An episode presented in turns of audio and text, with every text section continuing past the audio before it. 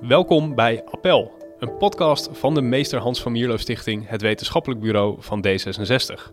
Waarin we de verdieping opzoeken bij actuele politieke onderwerpen. Altijd geïnspireerd door het sociaal-liberale gedachtegoed. Ik ben Koen Brummer en in deze aflevering gaan we het hebben over gedragsbeïnvloeding door de overheid.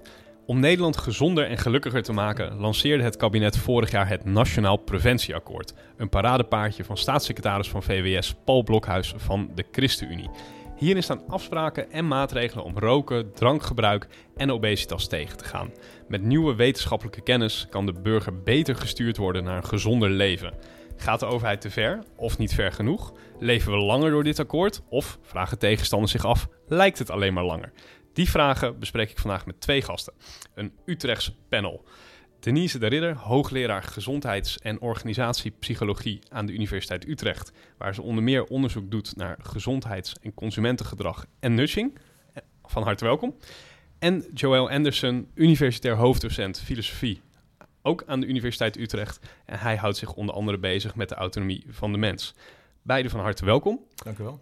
Denise, ik wilde bij jou beginnen. Uh, in een opinieartikel in NRC zei jij je te ergeren aan het gepreek van Blokhuis op televisie en in de kranten. De overheid mag burgers best aanspreken op ongezond gedrag, maar dan moet je ze wel in staat stellen om ook echt gezonde keuzes te maken. Wat bedoelt hij daar precies mee? Uh, nou, daar bedoelde ik mee dat uh, ik heb er op zich niet zoveel problemen mee dat de overheid probeert uh, burgers te stimuleren om zich gezond te gedragen. Sterker nog, ik denk dat dat heel erg nuttig is.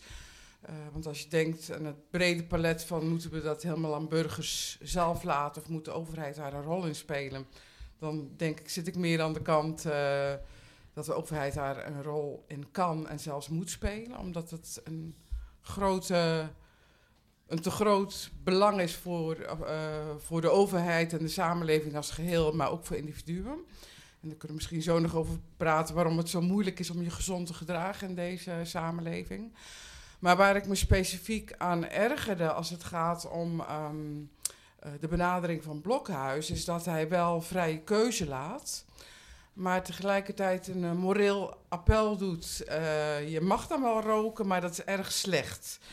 En als ze dan toch moeten kiezen, dan heb ik liever dat de uh, burger vrije keuze heeft, uh, zonder zich uh, slecht te voelen daarover. Als de, als de overheid mensen wil betuttelen, als je het, sommige mensen noemen het betuttelen, dat heeft misschien een beetje nare bijsmaak, maar als de overheid, je kan het ook anders zeggen, mensen wil helpen om zich gezond te gedragen, dan graag op zo'n manier uh, dat ze zich er niet slecht over voelen, maar dat de overheid een ja, uh, support geeft om uh, nou ja, minder behoefte, geen doekjes om te winden, niet roken of minder drinken, gezond eten. Daar is natuurlijk iedereen voor, maar dan moet je het op zo'n manier onder de aandacht brengen dat mensen iets wat ze wel graag willen, maar wat ze heel erg moeilijk vinden, vinden om ze daarbij te helpen. En wat zegt het over jou over dat preventieakkoord dat eind vorig jaar gesloten is? Wat, wat zeg maar de, de, deze filosofie van Blokhuis, hè? je ja. zegt het is eigenlijk een, een, een wat negatieve benadering, uh, moraliserend, maar, maar uh, misschien niet ver genoeggaand als, uh, als overheid. Is dat ook de tendens van het hele preventieakkoord?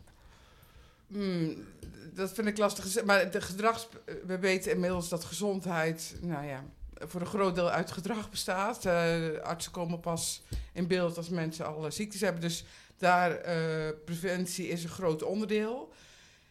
Dat wordt steeds meer erkend in het preventieakkoord. Ze pakken ook in principe de, de, de, de juiste gedraging aan. Roken, drinken, obesitas misschien. Uh, je zou er nog slaap aan kunnen toevoegen. Maar, um, uh, en ik denk de winst is nu wel dat dat onderkend wordt en dat gedrag een grote rol speelt. Het is ook winst dat, dat er naar individuen gekeken wordt. Maar het, ja, de kwade kant ervan vind ik dat het moraliserend is. En, en daar ben ik niet de enige in. Het tweede, wat niet zo goed naar voren komt, is dat uh, het is natuurlijk niet alleen de verantwoordelijkheid van burgers. Uh, burgers leven in een samenleving waarin uh, industrieën en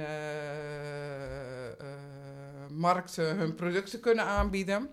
En moet je wel steeds burgers aanspreken als er sigaretten te koop zijn. Weliswaar op steeds minder punten, met minder reclame.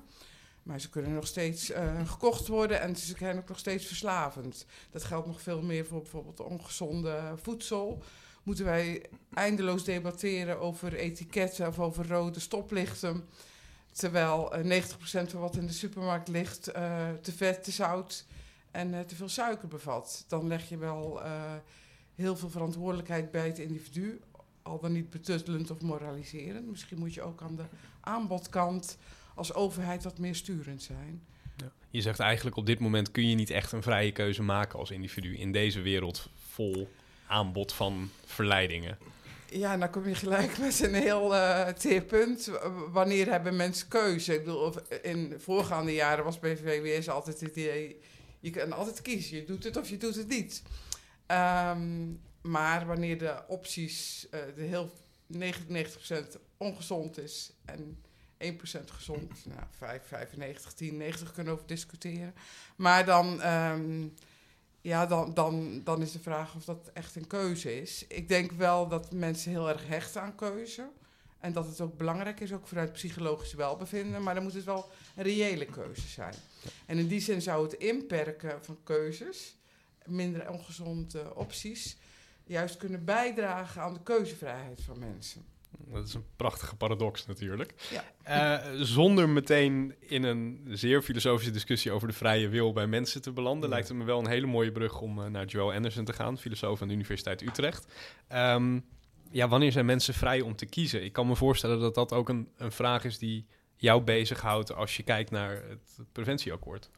Ja, dat is ook zo. En um, mensen hebben natuurlijk wel beperkte uh, vrijheid, vaak onder omstandigheden om te kiezen. Er zijn situaties waarin ze dan volledig automatisch reageren op prikkels in hun, in hun omgeving enzovoort. En ik denk dat um, wat uh, Thaler en Sunstein choice architecture noemen, dus de soort van keuzearchitectuur de founding van fathers van, van de nudging. nudging. Uh, die hebben dan wel een heel belangrijk punt. komt ook terug in onderzoek van Denise. Um, dat de omgeving waarin je een keuze maakt zeer bepalend kan zijn voor, voor wat je doet. Maar ik wil eigenlijk die, een link maken met het punt over, over schaamte en moraliserende houding. Um, want ik denk dat hangt nauw samen. Als we zouden zeggen, mensen hebben helemaal geen vrije, vrije wil, geen vrijheid om te kiezen, um, dan kunnen we ze natuurlijk um, ontlasten van die schuldgevoelens. Want het was niet hun schuld om dan die keuze te maken. Maar dat zou ook betekenen dat we minder respect voor de acterschap van mensen daarmee tonen. En ik denk dat is, is ook iets wat in de preventieakkoord een beetje naar voren komt. Met die alsmaar terugkerende um, uitdrukkingen over in de toekomst wordt het normaal gevonden dat.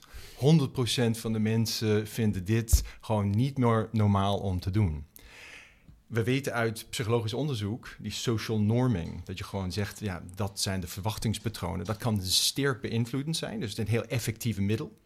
Tegelijkertijd, ja, kan ik niet, uh, kan ik niet vermijden dat er een soort bijklank is van sterk moraliserende, dit wordt normaal en dat wordt niet normaal um, uh, gevonden. En is dat ook, want jij bent als ik het goed heb redelijk kritisch over, over nudging.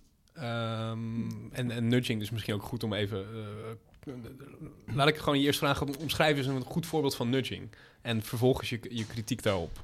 Nou, er zijn heel veel vormen van, van nudging en het woord wordt voor heel veel dingen gebruikt. Een heel goed voorbeeld uh, die uh, Denise en ik regelmatig in gesprekken hebben uh, besproken is um, in Centraal Station Utrecht was er een rood beschilderde looppad naar de, de trap in plaats van naar de roltrap. Om mensen op een soort onderbewuste manier heel natuurlijk te, te verleiden om toch ietsje meer aan beweging te doen. Dus je, het staat je nog helemaal vrij om die roltrap te nemen.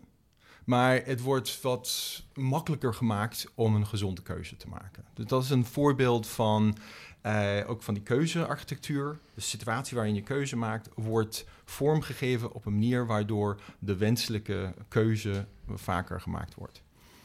Um, ja, dus dat, dat is een voorbeeld. Centraal erbij is dat het, het gaat wel om het verbeteren van de welzijn van mensen. Dus in die zin is het wel een beperking of een beïnvloeding van de keuzevrijheid van, uh, van iemand. Uh, omwille van de verbeteren van de, van, van de welzijn van iemand. Maar het is cruciaal voor de definitie van een, van een nudge dat het uh, niet op een harde manier in ieder geval dwingend is. Ja. En als de overheid hè, die methodes gaat, gaat inzetten, dit lijkt me een redelijk onschuldig voorbeeld als ik het, Precies, uh, als ja. ik het zo hoor. Zullen weinig mensen... het moeilijk voor mezelf ja. maken. en, maar wat zijn nou vragen die je daarbij moet stellen over bijvoorbeeld rechtvaardiging of, of iets dergelijks, als de overheid dat doet? Ja. Dus um, één vraag is effectiviteit. Dus er zijn mensen die zeggen van nudges zijn minder effectief dan harde maatregelen. En als we bijvoorbeeld in verband met klimaatveranderingen echt iets daaraan moeten doen, dan moeten we met hardere maatregelen en niet met die softe uh, nudges komen. Maar voor mij als, uh, als ethicus uh, en politiek filosoof gaat het vooral om de legitimiteit van de, de besluitvorming over de nudge. Wie, door wie wordt die ingevoerd? Op welke vormen van democratische uh, besluitvorming um, uh, gaat eraan vooraf? En ik denk vaak um, vinden mensen dit zo een handig middel en zo relatief onschuldig dat ze heel snel grijpen naar, naar nudges zonder echt die serieuze gesprekken te voeren over, ja, uh, willen we eigenlijk mensen sturen op deze manier?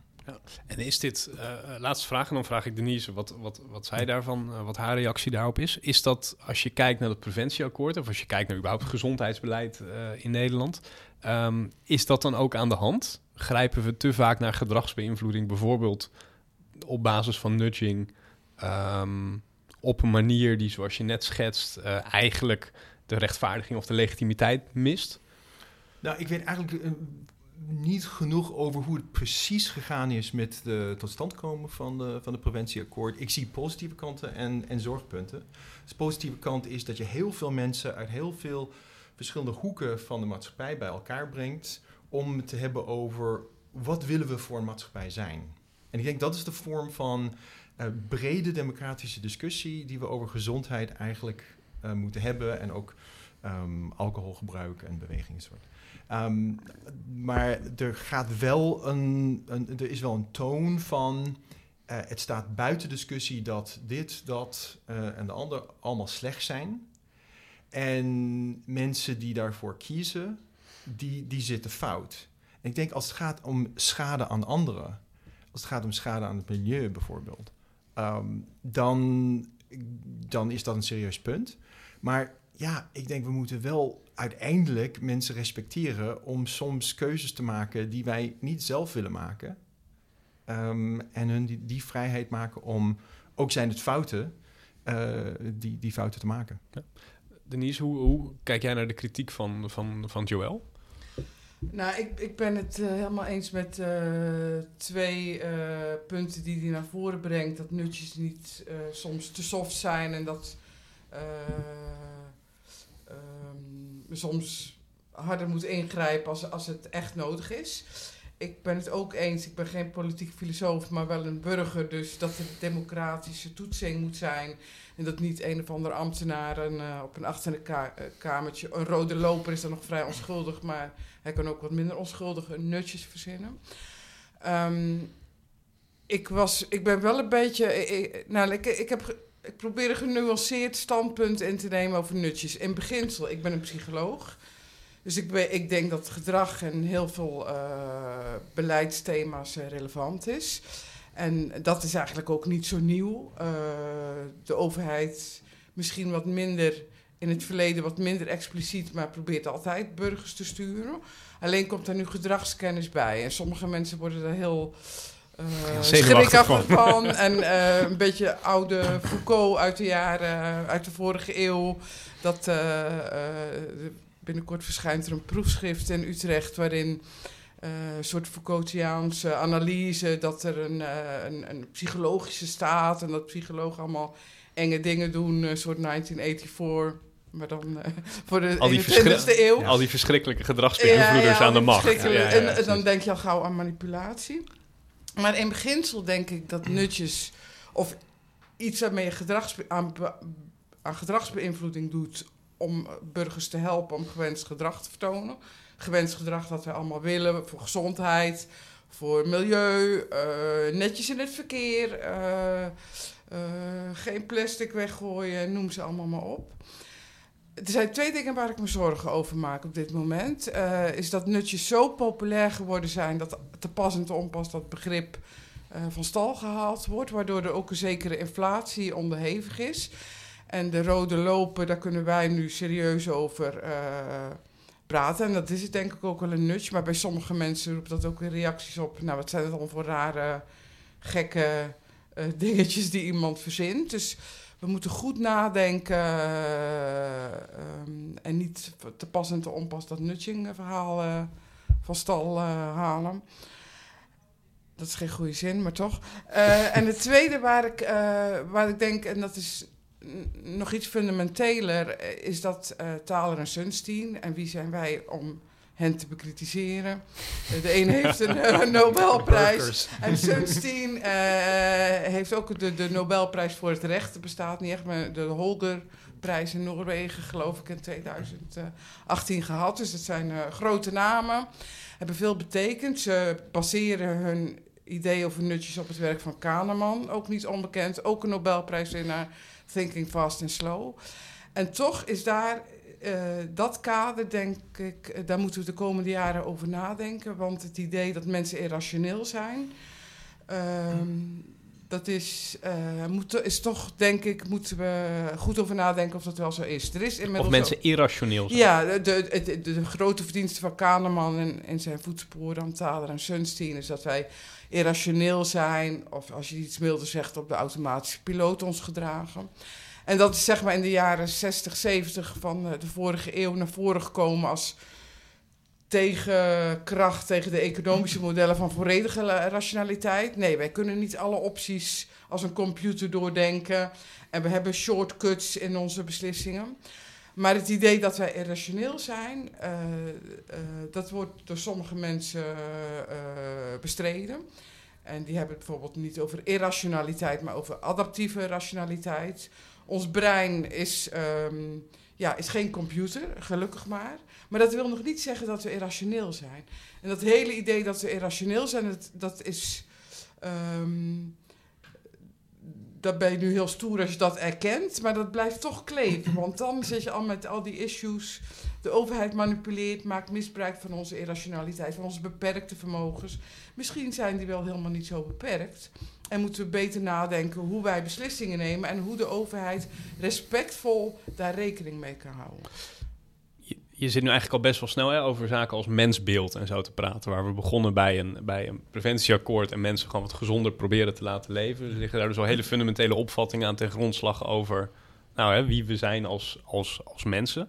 Ehm Joël, jij hebt in een, in een rapport heb jij het begrip de autonomiekloof nou, geïntroduceerd of gebruikt.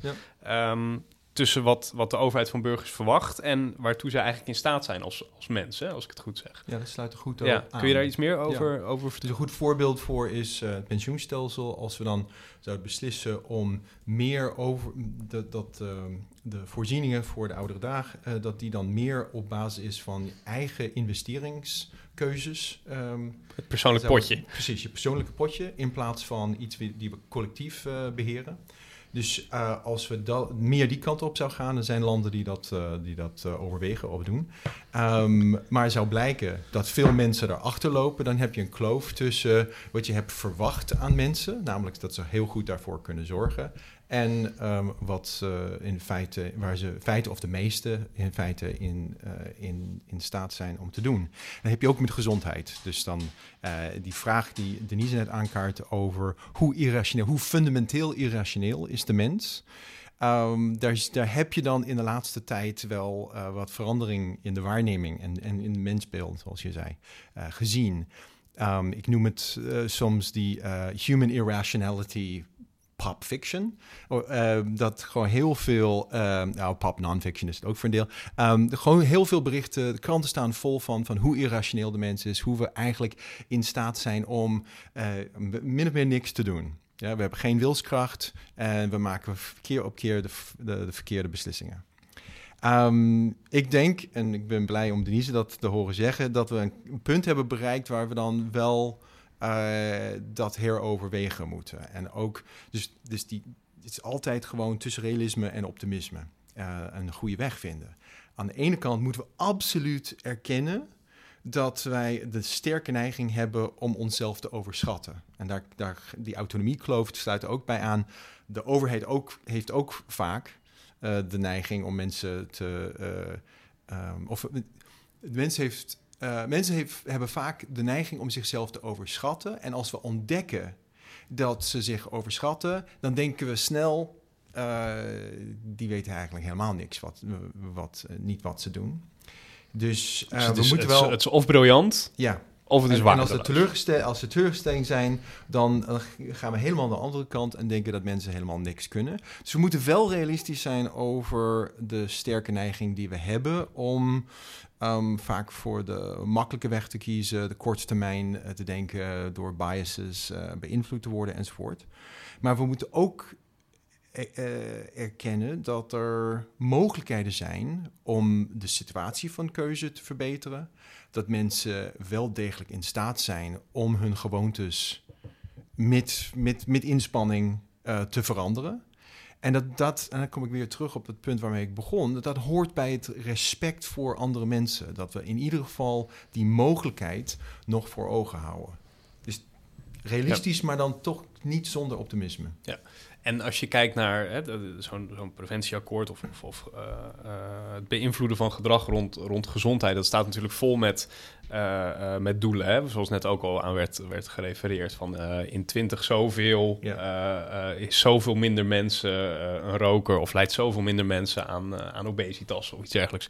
Is dat dan een goed voorbeeld waarvan de overheid eigenlijk te hoge verwachtingen heeft? Want ja. ik weet niet meer zeker wie het hadden berekend, misschien het Nationaal Zorginstituut of iets dergelijks. Die hadden gezegd, nou we verwachten eerder dat obesitas sterk gaat toenemen de komende jaren. NIVM was het. Of de NIVM, ja, precies. um, ja, dat klinkt als een goed voorbeeld van zo'n Precies, en dan krijg je ook weer die schuldgevoelens. Want als je gewoon onrealistische uh, doelstellingen uh, zet... Dat, uh, dat kennen we ook met goede voornemens voor het nieuwe jaar...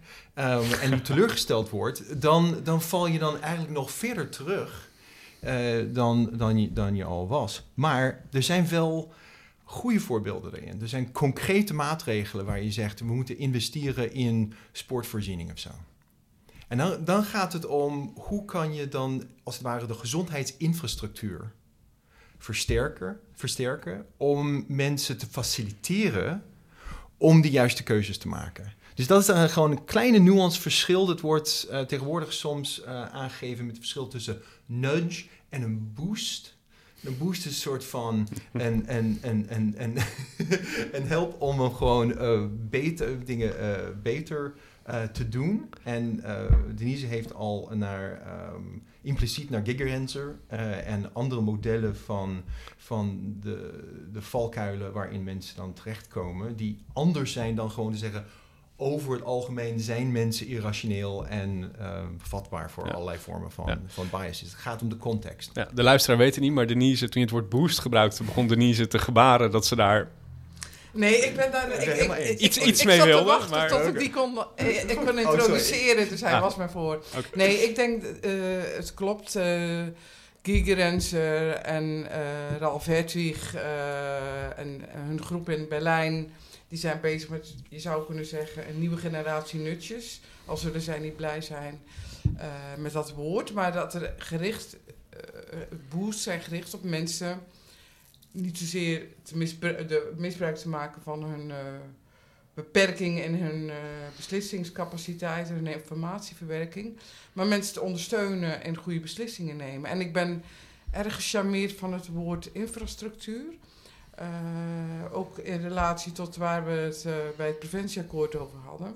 We moeten niet, zeker niet alleen uh, aan mensen blijven sleuren om, om, om hen te overtuigen om, om, of te verleiden om betere beslissingen te nemen. We moeten de context zo vanzelfsprekend maken, te in, investeren in de infrastructuur, waardoor goede beslissingen rondom je pensioen, rondom milieu, rondom gezondheid vanzelfsprekend worden. Uh, en dan zijn mensen nog steeds, kunnen nog steeds een keuze maken, maar de, je maakt de keuze meer voor de hand liggend. Dus ik ben erg voor ja, investeren in uh, infrastructuur op allerlei manieren. En, mag, mag ik ja, vragen zeker, ja. er is? Dus, dus ik ben ook benieuwd, want je hebt dan het ook net genoemd, die, ehm, die verwachtingen die we van, eh, van mensen hebben. Ik was benieuwd hoe jij eh, staat tegenover het, het, het normalis, zeg maar de, de, de social norms eh, benadering en toch wel wijdverspreide verwachtingspatronen laten opbouwen. ehm, en als, zie je dat als een onderdeel van die infrastructuur, de soort van cultureel, sociaal infrastructuur? Of Ja, het is goed dat je op die normen terugkomt. Want ik, ik zat er even over na te denken. Het, het, het wordt vaak.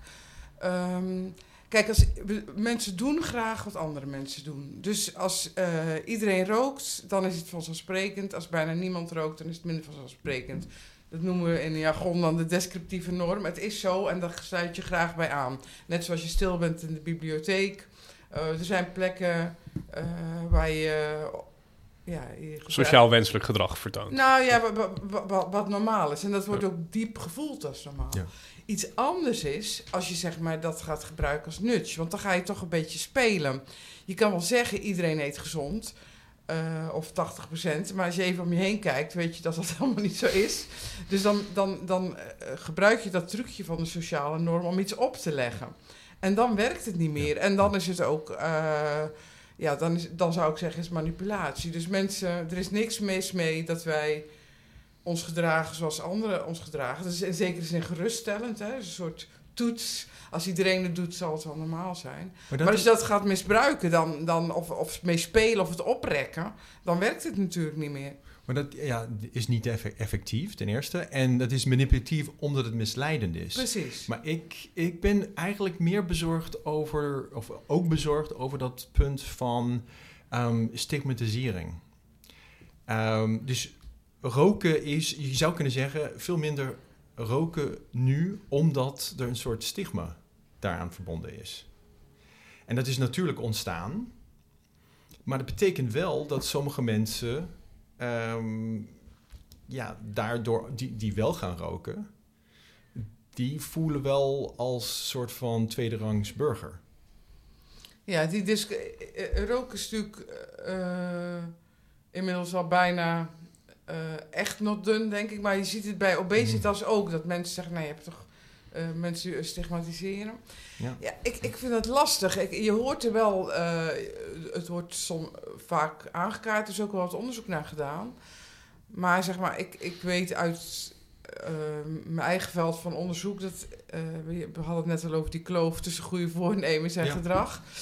Heel veel mensen willen wel eh, gezonde eten of niet roken of minder drinken, maar komen er niet aan toe. Dan kun je natuurlijk afvragen hoe, hoe authentiek is die wens als je de hele dag allerlei boodschappen om je heen hoort. eh, beter eten, minder roken of eh, niet roken of minder drinken. Ik, ik, ik denk dat het mo eh, nou in theorie zou ik denk dat heel veel mensen zich wel anders willen gedragen, maar graag in staat gesteld willen worden. Ja. Ik, ik denk dat het Eens. probleem van het stigma, maar ik weet het niet zeker, maar ik denk dat dat relatief kleine, kleiner is dan al die mensen die worstelen met van hoe kom ik nou eindelijk eens toe aan wat ik eigenlijk eh, wil. Misschien kunnen we eens worden over, het zou- het zou beter zijn om die, die, de positieve effecten van nudging te hebben zonder die stigmatiserende eh, effecten bij te hebben. Maar ik denk dat het vaak een tragische keuze is tussen effectieve eh, nudges en een vrijzinnig liberaal houding ten opzichte van ja, keuzes die mensen maken.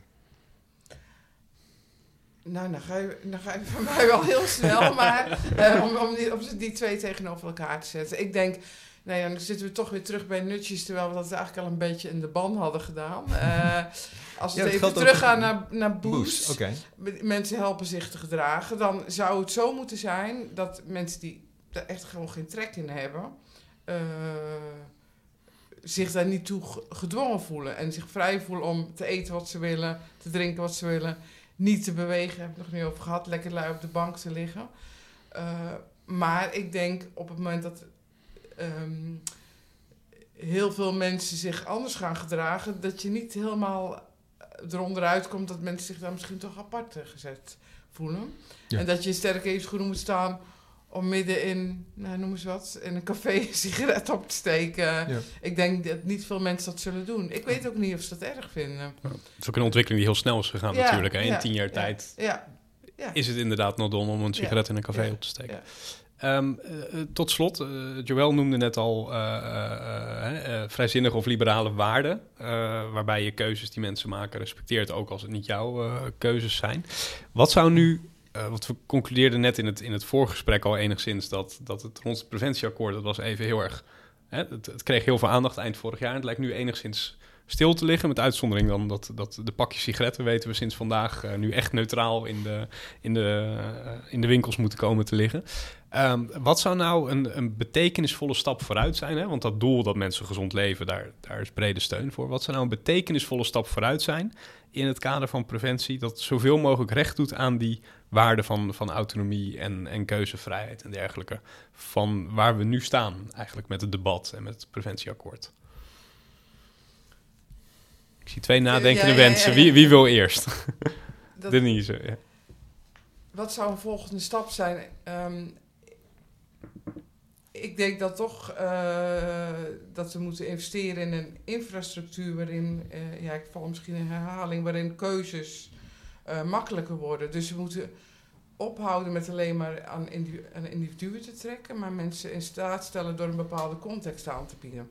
Dat kan door, en dat zijn geen fijne maatregelen, want daarvoor, daarom is het preventieakkoord ook al bekritiseerd. Ehm, Want het zijn geen fijne maatregelen, omdat, nou, omdat dan, dan de manier je- waarop de samenleving is georganiseerd. Ja, of dan zou je, je pak je sigaretten, daar durven we ver te gaan. Ehm, eh, maar bij eh, eh, eh, alcohol en eh, eten, ja, moet je dan toch met de industrie aan de slag. En eh, die zelfregulatie van de industrie is tot nu toe gebleken niet erg goed eh, te werken. Dus dan moet je misschien harder ingrijpen. Aan de andere kant ben ik ook niet zo'n fan van prijsmaatregelen, want en, uh, vettaxes of uh, Suikertax. Uh, suikertax. Uh, dat heeft ook maar, dan is het toch een beetje afgedwongen. Dus ik denk, um, maar een, een, een, inperking van het aanbod. Ik zou liever nog, en dat klinkt misschien raar uit mijn mond, de, liever de hele paternalistische maatregel hebben dat we bepaalde producten helemaal niet meer aanbieden. In plaats van met rode stoplichten werken en of uh, taxes. Probeer de industrie zover te krijgen. Nou ja, er zijn bijvoorbeeld discussies over transvetten. Van sommige dingen moet je gewoon niet aanbieden. En het idee dat de consument dat wil, uh, dat vind ik altijd een beetje een flauwe. Want ik denk dat we de afgelopen 30, 40 jaar een bubbel hebben gehad waarin alles kon en alles verkrijgbaar was. Maar daarvoor, als het even naar de eetomgeving hebben, want obesitas blijft een groot probleem met uh, uh, meer dan 50% mensen met overgewicht. We hebben uh, de afgelopen 30 jaar is, zijn producten suikerrijker, vetter en geworden. Er is meer vlees, dat is ook nog, daar hebben we het nog niet over gehad, maar ook zo'n issue. Maar dat is niet, wij denken dat dat normaal is wat we geconsumeerd hebben in de afgelopen 30, 40 jaar, maar dat is niet normaal. Dus er is even een bubbel geweest waarin de industrie haar gang kon gaan. En ik denk dat dat toch wel een stap is, dat we die eerst uh, moeten aanspreken om die infrastructuur ja, gezond dus te krijgen. Dus uh, verbeteren infrastructuur en met enige tegenzin uh, daadwerkelijk het aanbod gaan aanpassen of, of beperken. Ja, dat denk, zouden ja, we. Ja, ja. Okay.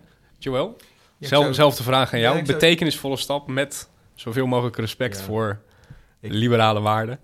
Ja, ik- als filosoof zal het wel een beetje eh, teleurstellend eh, abstract formuleren misschien. Maar ehm, ik denk één ding waar we dan veel meer aandacht aan moeten besteden is ehm, bij de doelstellingen niet alleen gezondheid, maar ook de, de neveneffecten daarvan, de schade aan derden. Ik, viel mij op dat in de hele preventieakkoord, die, die ehm, het breed heeft over alcoholmisbruik, het woord geweld eh, en agressie komt niet in voor.